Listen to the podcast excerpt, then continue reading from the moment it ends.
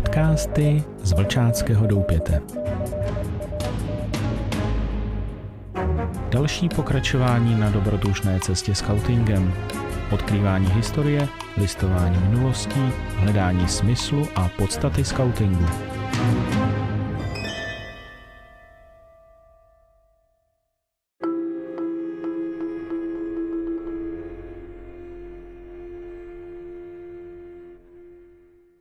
Elsdonská vražda Před mnohými lety na severu Anglie se odehrála brutální vražda.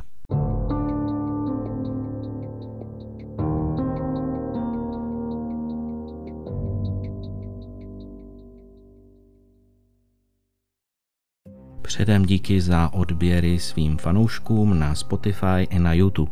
Pokud se vám můj podcast líbí, neváhejte si dát odběr a pokud zjistíte, že by se někomu mé vyprávění mohlo hodit, nabídněte mu jej. Elsdonská vražda před mnohými lety se na severu Anglie odehrála brutální vražda – Vraha chytili, usvědčili a oběsili hlavně díky skautské moudrosti jednoho malého pastýře.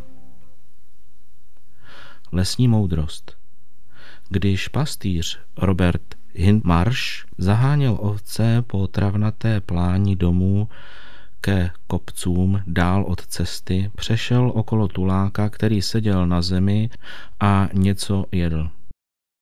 Pozorování. Jak procházel okolo, všiml si mužova vzhledu a hlavně neobyčejných hřebíků v podrážce jeho bot. Utajení. Nezastavil se, ani se na muže nepodíval, jen si zapamatoval tyto detaily a neupoutal zbytečně jeho pozornost. Tulák ho tak považoval za obyčejného kluka. Dedukce po pěti mílích se chlapec dostal do své vesnice, když si všiml, že okolo jedné chalupy se zhromáždil dav lidí.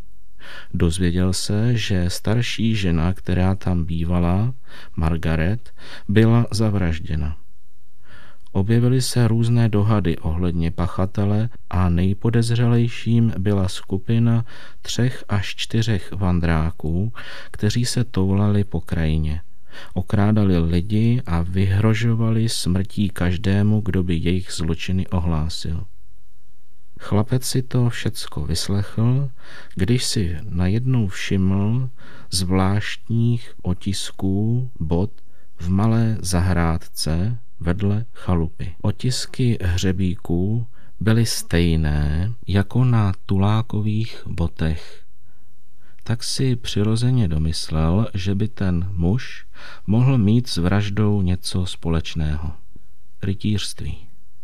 Byla zavražděna bezmocná stará žena a to v chlapci vzbudilo jeho rytířské cítění proti vrahovi, ať už to byl kdokoliv. Odvaha a sebedisciplína. I když si byl vědom, že ho mohou vrahovi kamarádi za tyto informace zabít, nedbal na svůj strach. Vybral se hned za policejním strážníkem a pověděl mu o otiscích na zahrádce a potom, kde může najít člověka, kterému patří. Zdraví a síla. Tulák se dostal daleko od místa vraždy, tak si myslel, že je v bezpečí a nikdy by mu ani nenapadlo, že právě ten chlapec dojde pěšky až na místo vraždy a vrátí se zpět s policií. Nad něčím takovým si vůbec nelámal hlavu. Jenže Robert byl silný, zdravý chlapec z hor, lehko a rychle přešel celou cestu, takže chlapa bez problémů našli a chytili. Byl to tulák jménem Willy Winter. Soud ho uznal vinným a oběsil ho v Newcastle. Jeho tělo potom přenesli na místo vraždy, tam ho zavěsili na šibenici, jak to bylo v těch časech zvykem. Další dva tuláky vrahovi komplice chytili s nějakými ukradenými věcmi a též je v Newcastle odsoudili. Dobrosrdečnost Když se chlapec dozvěděl, jaký osud postihl Willyho Wintra, trápilo ho, že způsobil smrt jiného člověka.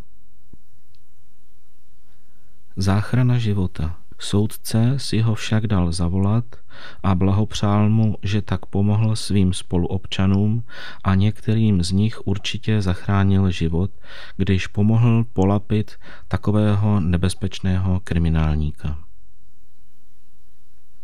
Povinnost. Soudce mu pověděl. Splnil si svoji povinnost, i když si sám sebe vystavil nebezpečí a utrpení ale tím se netrap.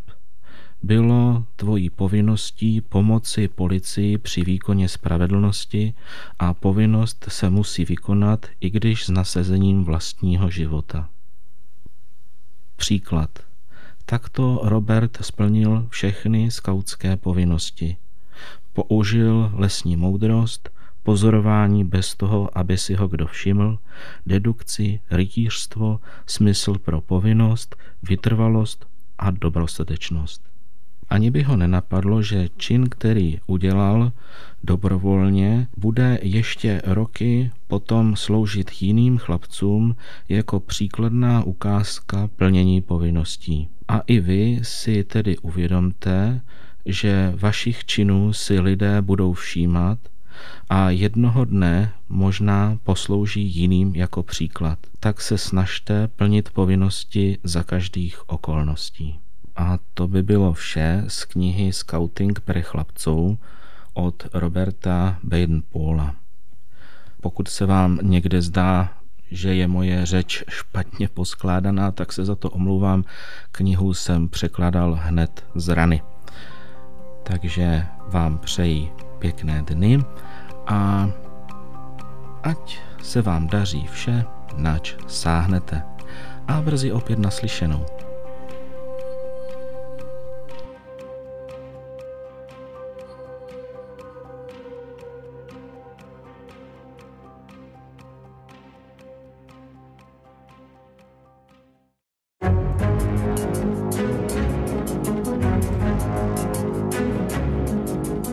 Podcasty z Vlčáckého doupěte.